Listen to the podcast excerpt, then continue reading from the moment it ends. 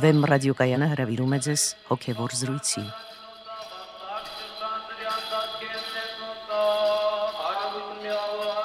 Սիրելի ունկնդիրներ, Վեմ ռադիոկայանի եթերում են արժանապատիվ Տեր Մեսրոպ Կահանա Արամյանը եւ Արա Սարգսակ Նալչաջյանը։ Այսօր մենք կզրուցենք Նիկիո առաջին տիեզերական ժողովի մասին։ Օրհնեցեք Տեր հայր։ Աստված օրհնի։ Տեր հայր առաջիկա շաբաթ օրը հայ առաքելական եկեղեցին տոնում է Նիկեայի առաջին տիեզերական ժողովի 318 հայրապետների տոնը։ Խնդրեմ բարձաբանեք ինչ է նշանակում տիեզերական ժողով հասկացություն եւ ինչու հատկապես տիեզերական է կոչվում։ Տիեզերական ժողովը ինքը իր նշանակությամբ եւ դերով առանձնանում է ընդհանրապես եկեղեցու կյանքում, եկեղեցու գործունեության մեջ, որովհետեւ միայն տիեզերական ժողովներին է վերապահված դավանական վճիրներ կայացնելու այսինքն սահմանելու, թե որն է եկեղեցու հավատքը, այսինքն բարձրագույն խնդիրները։ Այլ կերպ ասած, եթե գործնական լեզվով խոսելու լինենք, բարձրագույն մարմինը, բարձրագույն հեղինակությունը եկեղեցու կյանքում դա տիեզերական ժողովն է։ Բուն բառը տիեզերական նշանակում է որ դրան մասնակցել են բոլոր եկեղեցիները, այսինքն դա մի ժողով է, որը տիեզերքի, այսինքն երկրագնդի վրա եղած բոլոր եկեղեցիները բերում են իրենց մասնակցությունը եւ այդ որոշումը եւ վճիռը բոլոր եկեղեցիների համար է անխտիր կերպով։ Նաեւ դրանով արտահայտված է եկեղեցու սկզբնական միության վիճակը եւ նաեւ դա շատ կարեւոր է, որովհետեւ մեկ մարմին ունի Քրիստոս Քրիստոս ունի տարբեր մարմիններ։ Ուրեմն հետեւաբար նշանակում է, որ այդ միասնականությունը, դիեզերական ժողովի միասնականությունը շատ կարևոր է եկեղեցու խորհրդաբանության տեսանկյունից այսինքն ուղակի բուն եկեղեցին ենթադրում է եկեղեցի հասկացողություն, որ դա մեկ է, նախ մենք դա մեր հավատքի խոստովանության մեջ ենք խոստանում, իմի միայն ընդհանրական եւ առաքելական եկեղեցի, այսինքն հավատում ենք միայն մեկ ընդհանրական եւ առաքելական Սուրբ եկեղեցու։ Եվ հենց տիեզերականությունը այն հիմքն է, որը ապահովում է այդ մեկությունը եկեղեցու, որ չկան բազում եկեղեցի, այլ գոյություն ունի Քրիստոսի մեկ եկեղեցի, որը ընդհանրական է, որը հիմնադրված է Քրիստոսի կողմից իր առաքյալների միջոցով, որը սուրբ է եւ դրա համար անհրաժեշտ է, որ այն վճիրները, որոնք որ պետք է արտահայտեն Քրիստոսի եկեղեցու հավատքը, պետք է մեկ միասնական գլխավոր մարմնի կողմից կատարվի, որն է տիեզերական ժողովի հեղինակությունը։ Դրանք բացառիկ անվերապահ հեղինակություն ունեցող ժողովներ են եւ ենթադրվում է, որ երբ որ հավաքված են բոլոր եկեղեցիների գլուխները, ապա այդ տիեզերական ժողովի ժամանակ յուրահատուկ ներգործություն է տեղի ունենում Սուրբ Հոգուց, այսինքն նրանք Սուրբ Հոգուց ներշնչված սահմանում են թե հավատքի հիմնական կետերը եւ նաեւ այն անհրաժեշտ կանոնները, որոնք պետք են եկեղեցու գործունեությունը վարելու համար։ Հայ առաքելական եկեղեցին ընդունում է միայն 3 ժողովներ, որոնք կոչվում է տիեզերական այսինքն բազմաթիվ ժողովները եկեղեցական, որ գումարվել են եկեղեցու պատմության ընթացքում, դրանցից միայն 3-ն է, որ հայ եկեղեցին տիեզերական է համարում։ Ինչու՞ միայն 3-ը, այսինքն Նիկեայի 325 թվականի ժողովը, Կոստանդնոպոլսի 381 թվականի ժողովը եւ Եփեսոսի 431 թվականի ժողովը։ Ինչու միայն այս 3-ը եւ արդյոք հայ եկեղեցին բացառում է, որ հետագայում եւս հետագա դարերում, օրինակ, ասենք մեր ապրած ժամանակաշրջանում կամ մեզանից հետո եկող դարերում կարող են գումարվել ժողովներ, որոնք նույնպես համարվեն տիեզերական։ Այդպիսի բան հայ եկեղեցին չի բացառում, որ հնարավոր են նոր տիեզերական ժողովներ, բայց դրա համար անհրաժեշտ է որպեսի վերականգնվի այն դավանական, այսպես ասած, տարաձայնությունները, որ գոյություն ունեն Այսինքն 451 թվականից հետո, երբ տեղի ունեցավ Քաղկեդոնի ժողովը, հայ առաքելական եկեղեցին համարում է, որ խախտված է տիեզերականության հանգամանքը։ Նախ որովհետև հայ առաքելական եկեղեցին չի մասնակցել այդ հետագա ժողովներին եւ ոչ միայն մենք, այլ գրեթե ամբողջ արևելքը բացակայել է այդ ժողովներից նույնիսկ Քաղկեդոնի ժողովին շատ թույլ ներկայացվածություն է եղել արևմուտքից այսինքն միայն մի որոշակի թև է մասնակցել այդ ժողովին եւ ակնհայտորեն խախտված է եղել տիեզերականության հանգամանքը։ Հետևաբար այդ ժողովը չէր կարող արտահայտել Քրիստոսի ճշմարիտ հավատքը, որտեղ խախտված էր հենց տիեզերական ժողովի հանգամանքը։ Այս է պատճառը։ Բացի դրանից հայարակելական եկեղեցին համարում է, որ հավատքի համար անհրաժեշտ, դավանաբանության համար անհրաժեշտ ամենակարևոր սահմանումները արդեն տվել են երեք տիեզերական ժողովները։ Այսինքն ամենասուրբ երրորդության նկատմամբ հավատքը որդու եւ Սուրբ Հոգու Աստվածության հարցը եւ ինչպես նաեւ արդեն երրորդ տիեզերաժողովով բացահայտվեց որդու մարդեղության, այսինքն նրա ճշմարիտ մարդ լինելու բոլոր նրբին ցալքերը եւ տվեցին դրանց բոլոր դավանաբանական պատասխանները։ Այսինքն դրանից հետո եկող ժողովները ավելի խճճել են այդ հարցը, քան թե զբաղվել են այդ հարցի ճշմարիտ լուսաբանմամբ, որտեղ այլ բան է տիեզերական ժողովի սահմանումները այլ բաներ են վարթապետական նրբությունները, ուսուցման հետ կապված զանազան խնդիրներ, որոնց համար անհրաժեշտաբար տիեզերական ժողովի կարիք չի զգացվում։ Դրանք արդեն մասնավոր ուսուցումների հարցեր են։ Ժողովը տալիս է որոշակի սահմանումներ դավանության։ Եվ այս առումով իրականության մեջ, եթե մենք վերցնելու ենք բուն ժողովը կամ այսպես կոչված ժողովների ժողովը, դա հենց Նիկիո ժողովն է։ Սա շատ զարմանալի մի իրադարձություն է մարդկության պատմության մեջ, որովհետև ըստ էության այն սահմանումը հավատքի, որ տվեց Նիկիո ժողովը, դա մինչև այսօր էլ գործածում է բոլոր եկեղեցիների կողմից փոքր փոփոխություններով, ոչ թե փոփոխություններով, ես նկատի ունեմ խմբագրական ուղակի հավելումներով, ավելացված է Սուրբ Հոգու մասը եւ այլն, բայց բուն հիմքը դա նիկիական հիմքն է այսինքն բուն հավատքի դավանության, բուն դավանաբանություն հասկացողությունը բացված է մեզ Նիկիո ժողով, դա բացառիկ իրադարձություն է եղել մարդկության պատմության մեջ եւ ըստ էության Նիկիո ժողովը հեղաշրջումային էր համաձայն եւ եկեղեցու պատմության մասնագետների եւ աստվածաբանության եւ նույնիսկ փիլիսոփայության, որ դա մի ամբողջ հեղաշրջում է առաջացրել մարդկության աստվածաբանական, դավանաբանական, փիլիսոփայական պատկերացումների մեջ, մտածելակերպային պատկերացումների մեջ, հավատքի ընկալման պատկերացումների մեջ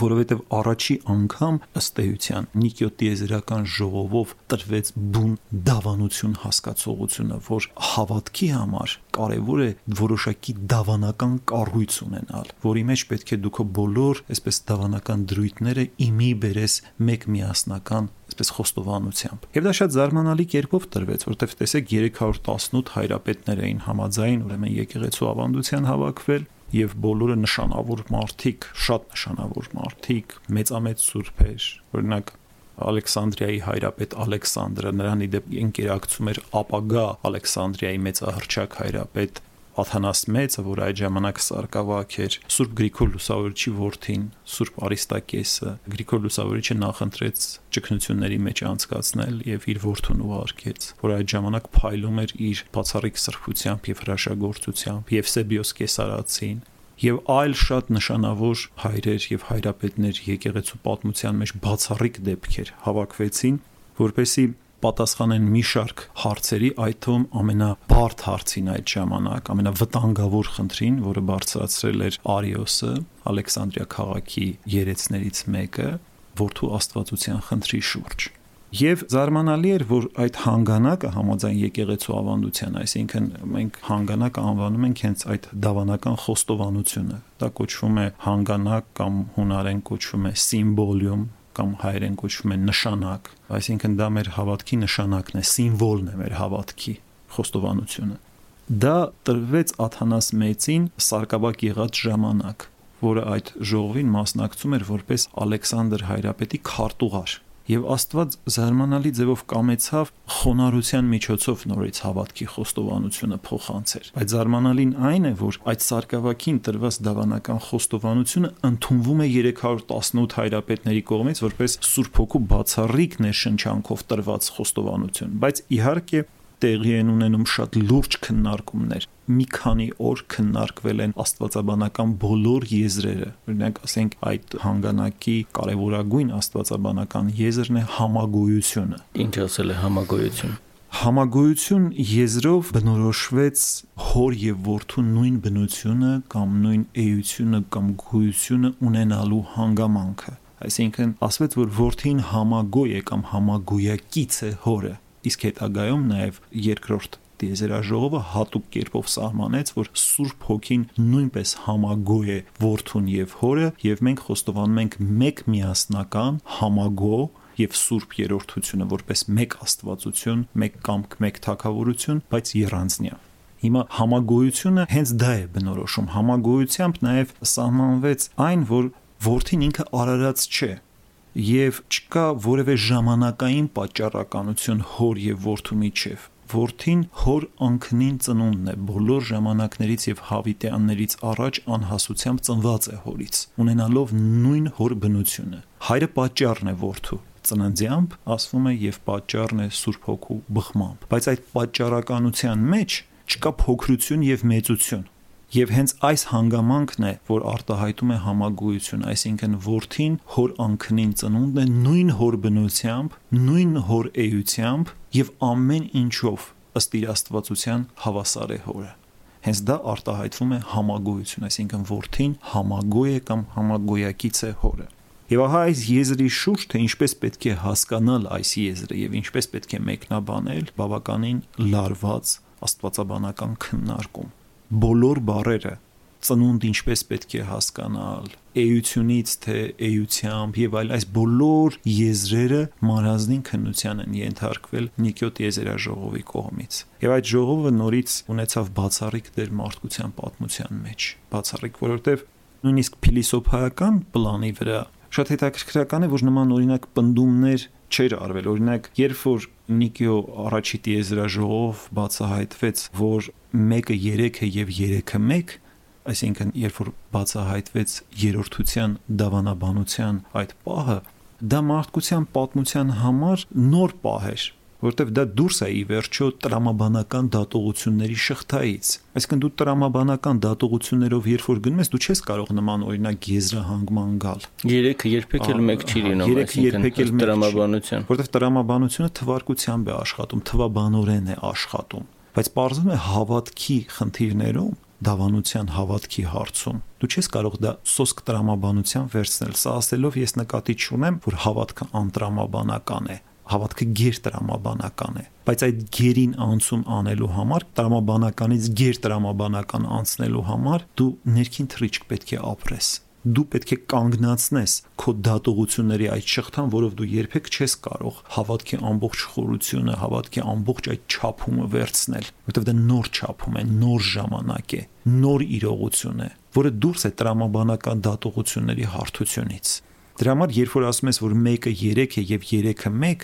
եւ 3-ից 1 անցումը ոչ թե թվարկությամբ է, այլ խորհրդականորեն եւ ըստ հավատքի, Այսինքն որպեսի դու հասկանաս, որ Աստված 1 է եւ 3, դու պետք է մտնես հավատքի իրողության մեջ։ Դու պետք է դուրս գաս հին աշխարհի պատկերացումներից դու պետք է տեսնես աստվածային իրականության առատությունը, որը բացված է Հիսուս Քրիստոսով։ Իսկ ոչ այդ Աստված քեզ համար ինքնափակ եզակիություն էր, բայց երեքով դա տրվել է արդեն քեզ ճշմարտացիորեն դու հաղորդակցություն ունես, երեքով դու մեկի հետ հաղորդակցություն ունես։ Եվ շատ հետաքրքիր է Գրիգոր Աստվածաբանը սա մեկնաբանում ասում է չեմ հասցնում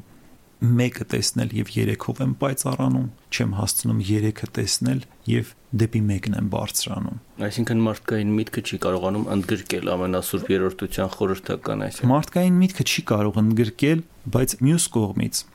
երբ որ դու մտնում ես այդ դավանաբանության մեջ, երբ որ խորանում ես դրա մեջ, դու տեսնում ես թե ինչպիսի խորը խորհուրդներ է դա պարունակում, ինչպիսի մեծ ճշմարտություններ ունի իր մեջ ներփակված եւ դու կարող ես այդ ամենասուրբ երրորդության դավանության արտացոլանքը տեսնել ամեն ուր զանազան երակարգությունների մեջ դու դա կարող ես տեսնել այսինքն այնպես չի որ դա արտահայտված չի աստծո արարչության մեջ ինչպիսի երակարգությունների օրինակ տարբեր տեսակի երակարգություններ կան սկսած տարածության երաչափությունից սկսած մարդաբանության երակարգություններից այսինքն այդ ամենասուրբ երրորդության պահը, այդ աստվածային, այդ անճառելի կարգը որոշակի կերպով, որոշակի կարգավորությամբ արտահայտված է իր արարչության մեջ արտահայտված է մարդու մեջ, որը Աստծո պատկերով եւ նմանությամբ է ստեղծված։ Բայց բացի դրանից, ինքը մեզ համար բացում է աստվածային իրականության ներքին դինամիզմը։ Այսինքն Աստված այլևս մի հերավոր սկզբնապատճառ չէ մեզ համար, որ ինքը արարել է այս աշխարհը եւ բաց է թողել եւ երբեմն երբեմն հայտնում է իր մասին, այլ Աստծո որդին այդ երրորդության անձերից մեկը Աստվածային անձերի խորհրդակցությամբ հավիտենական, նախահավիտենական խորհրդակցությամբ ճշմարտապես մարդացել է, այսինքն Աստվածային անձերից մեկը դարձել է ճիշտ մեզ նման եւ դառնալով ճիշտ մեզ նման բացել է մեր անznավոր գոյության խորհուրդը Մինչ այդ, մինչ աստվածային անձերի բացահայտումը մեզ, մենք նույնիսկ իրական կերպով չէինք կարողանում պատկերացնել, թե ովքեր ենք մենք որպես մարդ։ եւ ինչ է առհասարակ անձ հասկացողությունը։ Տեսեք շատ հետաքրքիր է, որ անձի մասին խոսակցությունը նույնպես սկսվում է բուն անձի մասին խոսակցությունը քրիստոնեությամբ եւ հատկապես Նիկիոտ տիեզերական ժողովով։ Դեր դուք ասացիք, որ մի շարք նմանատիպ հասկացություններ առաջ է քաշել Նիկիոտ տիեզերական ժողով, այսինքն իմաստներ այդ հասկացություններ, ինչպես օրինակ համագոյություն, Սուրբ Երրորդության դավանությունը, ասացիք անձի հասկացությունը, իսկ միթե մինչ այդ, մինչ Նիկիոտ տիեզերական ժողովը քրիստոնեական հավատքը, եկեղեցու հավատքը այլ է եղել եւ Նիկեո ժողովն է որ առաջ է քաշել այս ամենը։ Ոչ, քրիստոնեական հավատքը այլ չի եղել, բայց Նիկեո տիեզերա ժողովով արդեն սահմանվեցին եւ ֆիքսվեցին այն բոլոր անհրաժեշտ դրույթները, որը պետք է, որպեսի մենք զանազան հերձվածողական ուղությունների մեջ չհայտնվենք, որովհետեւ քանի դեռ դու ճունես այդ սահմանումները, միշտ վտանգ կա, որ դու կարող ես որոշակի հերձվածողական պատկերացումներ ունենալ հավատքի մասին, սխալ մեկնաբանել հավատքի իրողությունը, եւ դա ամենայն սրությամբ երևաց արդեն Արիոսի կեղծ այդ ուսմունքի մեջ։ Բայց իրականության մեջ արիոսականությունը դա այդքան էլ պրիմիտիվ մի շեղում չէ, Եթե դա լիներ շատ պրիմիտիվ մի շեղում, ինչեւ այսօր արիոսականներ չէին լինի, եւ այսօր կան պահպանված բուն արիոսականներ, դրանց մնացորդները կան պահպանված։ Եվ բացի դրանից մենք դրա արդեն դրսևորումները տեսնում ենք օրինակ Եհովայի վկաների այդ ուսմունքի մեջ ըստ էության ոչ մի տարբերություն չկա։ Իհարկե արիոսականությունը իր փիլիսոփայական, այսպես ասած, կառուցվածքով եւ այլն բավականին լուրջ, ավելի լուրջ բաներ, քան Եհովայի վկաների ուսմունքը, որտեղ սրանց մոտ աստվածաբանությունը հասկացողությունը ընդհանրապես բացակայում է։ Բայց եթե ուշի ուշով քննենք, կտեսնենք, որ Արիոսն էլ ուներ նույն խնդրեմը, Եվ իրենք էլ ունեն նույն խնդրեմը։ Այսինքն Արիոսի համար Աստված ինքնափակ եզակիություն է, եւ այդ ինքնափակ եզակիությունը հայր Աստվածն է նրանից բացի ամեն ինչ առաջացած է ժամանակի մեջ։ Այդ թվում է որդին եւ Սուրբ Հոգին։ Թեպետ Արիոսի պատկերացման մեջ որդին եւ Սուրբ Հոգին դրանք առաջնային եւ բարձրաբնույթ արարածներ են, այսպես կոչված միջնորդներ Աստծո եւ արարչագործության միջև։ Բայց այնուամենայնիվ արարածներ են, այլ ոչ Աստված։ Աստված չեն։ Սա էր Արիոսի պատկերացում եւ այդ պատկերացման հիմքում նախ երկու հանգամանք կա ընկած։ Մեկը հուդայականությունը, այսինքն հրեական կրոնը, եւ մեկը միջին պլատոնականությունը, այսինքն միջին պլատոնականության այդ մոն մոնադի հասկացողությունը, որ Աստված մոնադ է, այսինքն եզակիություն է, որ ամեն ինչ ունի եզակի սկիզբ։ Գիտեք, սա այնքան սևերուն գայթակղություն է, որ տարբեր ժամանակներում, օրինակ խոսվում է, որ Իսաակ Նյուտոնը նույնպես արիոսական է եղել, այսինքն իր պատկերացումների մեջ այդ հանճարեղ ֆիզիկոսը ինքն էլ է գտել, որ Աստված պետք է լինի բացարձակ եզակիություն, որովհետև ի վերջո դա գալիս է նրա պատկերացումներից, աշխարհի նրա պատկերացումներից։ Նա ընդունում էր աշխարհի խիստ մեխանիկական մի մոդել, այսինքն որ ամեն ինչ գնդիկների պես կապված է իրար տարբեր ֆիզիկական օրենքներով։ Անշուշտ, եթե Նյուտոնը ծանոթ լիներ քվանտային ֆիզիկային, հավանաբար նա այդպիսի ենթադրություն չաներ բայց այդ ենթադրությունը անհրաժեշտաբար բխում էր նրա աշխարհի մոդելից, նրա ընտրած փիլիսոփայությունից։ Եվ դարեր շարունակ այս հարցում գայթակղվել են շատ մարդիկ որդուն համարելով ոչ համագո հորը կամ փոքր հորից եւ այլն։ Եվ դրա համար նրանք սխալ մեկնաբանությունների են ենթադրել ավետարանական այն հատվածները, որտեղ որդին կարող օրինակ մարդկային անգիտություն հայտնել կամ մարդկային խոնարհություն ցուցաբերել եւ այլն եւ այլն։ Ինչ է կարծում դերեր, ինչն է նման գայթակղությանը տուրք տալու պատճառը։ Ինչու է մարդկային միտքը այսպիսի հարցերում եւ մանավանդ հենց այս հարցում որդու եւ Սուրբ Հոգու աստվածությունը նսեմացնելու հարցում այդքան տկար, որ բազմաթիվ մարդիկ ահա տարբեր դարերում դուրք են տալիս այս գայթակղությանը դա շատ տրիվիալ հարց չէ, որ ես միանշանակ կերպով այդ հարցին պատասխանեմ, բայց դա նախ եւ առաջ առաջ է գալիս հավատքը մտաըմբռնելի դարձնելու գայթակղությունից։ Երբ որ դու փորձում ես որոշակի մոդել վերցնել կամ որոշակի մեխանիզմ վերցնել, որը մտովի քեզ համար հասկանալի է, այսինքն գոյություն ունի եզակիություն եւ բազմակիություն կամ մեկը եւ բազումը։ Սկիզբը մեկն է, բազումը պատճառն է։ Այսինքն արարչությունը, արարված աշխարհը, բազումը բայց խնդիրը այն է որ դու երբ որ սահմանում ես խնդրեմը ինչումն է սրա մեկ եւ բազմություն չէ դու ուշադրություն չես դարձնում թե այդ մեկը ինչ է միգուցե այդ մեկի մեջ կա մի ներքին չափում եւ հենց այդ ներքին չափումն է պատճառը որ բազմակիություն է առաջ եկել, եթե այդ մեկը ինքնին ճունենար եզակիությունն ու բազմակիությունը միաժամանակ իր մեջ, այդ բազմակիությունը ինչպես պետք է առաջանար դա գալիս է սխալ ենթադրություններից, որովհետև դու ասում ես, որ կա մեկ եւ դու ոչ մի ձևով չես ուզում հասկանալ, թե այդ մեկը ինչ է եւ ոչ էլ ուզում ես հաղորդակցություն այդ մեկի հետ հաստատել։ Դու ուղղակի ուզում ես, որ այդ մեկը լինի հերավոր մի պատճառ քեզ համար հասկանալի աշխարհի։ Այլ կերպ ասած, դու հավատքի խնդիրը ոչ թե Աստծուց ես սկսում, այլ աշխարից ես սկսում եւ ամեն բան փորձում ես համապատասխանեցնել աշխարհի քո մոդելին։ Սա գալիս է հունական մտածելակերպից, սա իհարկե ասենք նաեւ ունի իր հիմքը հրեական խիստ մոնոթեիզմի մեջ, այսպես կոչված, կամ կոպիտ, այսպես ասենք մոնոթեիզմի մեջ, որը գրեթե թույլ չի տալիս որևէ տեսակի հարաբերություն, խորհրդական շնորհական հարաբերություն Աստծո հետ։ Աստված ինքն է հաղորդակցվում քո հետ, երբ որ կամենա, եւ դու ըստ էության արդեն քո կրոնական ճիքերդ եւ վարժանքները դառնում են անիմաստ, եւ դու այլևս մխրճվում ես աշխարհի ուսումնասիրության մեջ։ Աշխարհով ես դու արդեն հետաքրքրված միայն։ Այս դավանությունը, ամենասուրբ երրորդության դավանությունը, որդու եւ Սուրբ Հոգու համագոյությունը որը այս ամենի հիմքերը հենց դրվեցին Նիկեո տիեզերական ժողովում, առաջին տիեզերական ժողովում, որին, ինչպես ասացիք, հայոց կողմից մասնակցում էր Սուրբ Արիստակեսը, Գրիգոր Լուսավորչի որդին։ Ինչպիսին էր Հայաստանի մասնակցությունը, Հայաստանի դերը այս ժողովին եւ այս ժողովի նշանակությունը հայ եկեղեցու հայ ժողովրդի կյանքում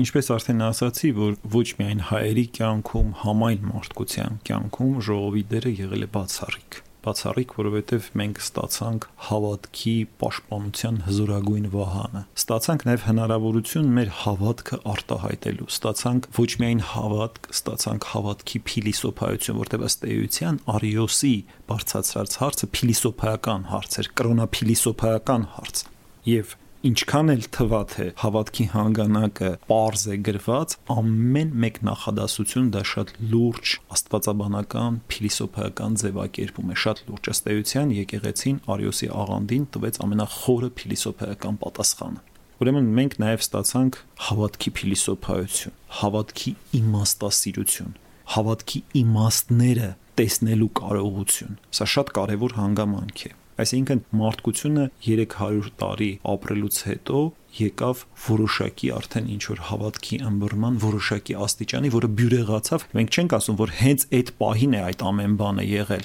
Ուղղակի Նիկիո ժողովը խտացումներ կամ բյուրեղացումներ այն աստվածաբանական process-ների, որոնք տևել են մոտ 300 տարի։ Այն բոլոր պայքարները, որ եղել են զանազան հերձվածողական ուղությունների դեմ եւ այլն, ի վերջո իրենց լրումին են հասել Նիկիո առաջի տիեզերաժողովով։ Բնականաբար Սուրբ Արիստակեսի կողմից այդ հավատո հանգանակը նաև Նիկեական ժողովը ընդունեց կանոններ, տարբեր խնդիրների վերաբերվող մոտ 20 կանոն, որոնք կան մեր կանոնագրքում եւ այլ հարցեր էլ քննարկեց, բայց երբ որ այդ հավատքի հանգանակ Արիստակեսը բերեց Հայաստան, ասում է, որ Գրիգոր Լուսավորիչը մեծ ցնցունցությամբ ընդունեց եւ ամբողջ ժողովուրդը հավատքի այդ սիմվոլը եւ կա նաեւ Գրիգոր Լուսավորչից ավելացրած մի հատված, իսկ մեկ փառավորեսցուկ, որ առաջքանս Հավիտյանս, որը մենք պատարակի ժամանակ հավատո հանգանակի արտասանության եւ նզովքից հետո ընթերցում ենք Գրիգոր Լուսավորչի իսկ մեկ փառավորեսցուկ, որ առաջքանս Հավիտյանս այդ նշանավոր հատվածը ուրեմն հավելված է Սուրբ Գրիգոր լուսավորչի կողմից, մեր հավատքի հոր կողմից։ Հետաքրքիր է, որ հավատո հանգանակում խոսվում է ամենասուրբ երրորդության մասին, բայց չի նշվում այդ բառը Սուրբ երրորդություն կամ ամենասուրբ երրորդություն, այլ խոսվում է հոր մասին, խոսում է որդու մասին, խոսում է Սուրբ Հոգու մասին եւ մնացած կետերը, եւ ահա Գրիգոր Լուսավորիչը կարծես ամփոփում է իր այդ արտահայտությամբ, որ իսկ մեկ փառավորեցուկ, իսկ մեկ փառավորեցուկ, որ առաջ Կանզավիտյանս երկիր պագանելով Սրբո երրորդությանն եւ Միո Աստվածությանն, այսինքն Պաստորեն Սուրբ երրորդություն այս եզրն է օգտագործում լուսավորիչը։ Տերհեջ, այս եկեղեցական այս առաջին տեզերական ժողովի մասին կարծես թե վերակերպ օրինակ կա Աստվածաշունչ Մատյանում ծննդոց գրքում, երբ խոսվում է Աբ รา համի մասին, այն իրադրության ժամանակ, երբ Ղովտը գերեվարվել էր եւ Աբ รา համը հավաքեց իր 318 ընդոտիններին, այսինքն իր տոհմում ծնված մարդկանց եւ նրանց հետ միասին գնաց ուրեմն ազատագրելու իր ազգականին Ղովտին։ Ուրեմն 318-ն էին թվով այդ ընդոտիններ եւ ահա այստեղ երկու եւ ավելի հազար տարիներ անց գումարվում է Բութանիայի Նիկեա քաղաքում մի ժողով, որին մասնակցում են ըստ եկեղեցական ավանդության դարձյալ թվով 318 հայրապետներ, որոնք փաստորեն մղում են նույնպիսի պայքար պայքար հավատքի մարդ ինչպես Աբ รา համը։ Իհարկե պետք է նաև ասել, որ Նիկիո ժողովից հետո այդ պայքարը չդադարեց։ Արիոսականները իրենք եղել են բավականին ուժեղ։ Փաստորեն ամբողջ Կոստանդնուպոլիսը նրանց ձեռքին էր երկար ժամանակ եւ նաեւ Ալեքսանդրիայում նրանց դիրքերը բավականին ուժեղ էր։ Նրանք մոտ 5 անգամ կարողացել են Աթանաս մեծին գահընկեց անել եւ նա բավականին երկար տարիներ անցկացրել է Աքսորում, շատ հաճախ մի կերպ է փրկվել ուղակի փորձում էին նրանից ազատվել ամեն գնով նույնիսկ փորձում էին նրան սպանել այնպես որ այս պայքարը իհարկե ունեցավ շատ մեծ շարունակություն եւ այդ պայքարի առաջամարտիկը եղավ Աթանաս մեծը եւ Դրա համար եկեղեցին նրան անվանում է ուղափառության հայր կամ ուղափառության սյուն, որտեղ իրականության մեջ նույնիսկ հարց է բարձրացված, որ եթե չլիներ Աթանաս մեծը, ապա ինչպես կարող էր պահպանվել, որովհետև շատ հաճախ նա մենակ է մնացել։ Ինչպես կարող էր պահպանվել ուղափառ հավատքը։ Նրանք նույնիսկ կարողացան հետագայում այս ժողովից հետո իրենց ազդեցության տակ գցել նաև Կոստանդիանոս կայսրին եւ այդ բոլոր աքսորի հրամանները Կոստանդիանոս կայսրն է, Կոստանդիանոս մեծն է արցակել։ Այնպես որ նրանց դիրքերը բավականին ուժեղ էին եւ հատկապես նորից եմ ասում, քանի որ սա ուներ ակունքներ թե հրեական խիստ մոնոթեիզմի մեջ եւ թե հունական մտածելակերպի մեջ, սա ըստ էության հունական մտածելակերպի ռեակցիան էր, որովհետեւ հին այդ կրոնա իմաստասիրական համակարգերը չէին կարող բովանդակել եւ եզրակերպել վանի մարդեղությամբ բերված այդ հավատքի նոր իրականությունը, նոր խորուրդը։ Այսինքն քրիստոնեությունը չէր տեղավորվում հունական մտածելակերպի մեջ եւ անընդհատ առաջանում էին նման օրինակ վտանգավոր իրավիճակներ։ Սա հին եւ նոր աշխարհների բախումն էր հինը պետք է ենթարկվեր որոշակի փոփոխությունների, որպեսի կարողանար ըմբռնել նորը Եվ այս պատճառով հատկապես ասենք մտավորականություն եւ այլն, որոնք բավականին տոգորված էին այդ ժամանակ, բավականին ուժեղ հիմքեր ունեցող նոր պլատոնական, այսպես ասած, շարժման, բավականին լուրջ պայքար բարձրացրեցին եկեղեցու դեմ։ Եվ ահա այսպեսին է եղել, այսինքն այդ ժողովից հետո գրեթե 100 տարի չի դադարել պայքարը, ուրեմն արիոսականության դեմ եւ ի վերջո հավատքի ճշմարտությունը հաղթանակել է, բայց դրա մեջ ունի շատ մեծ դեր Աթանաս մեծը։ Շնորհակալություն Տեր հայր, թույլ տվեք սրանով եզրափակել մեր այսօրվա զրույցը առաջին տիեզերական ժողովի մասին։ Օրհնեցեք Տեր հայր։ Աստված օրհնի։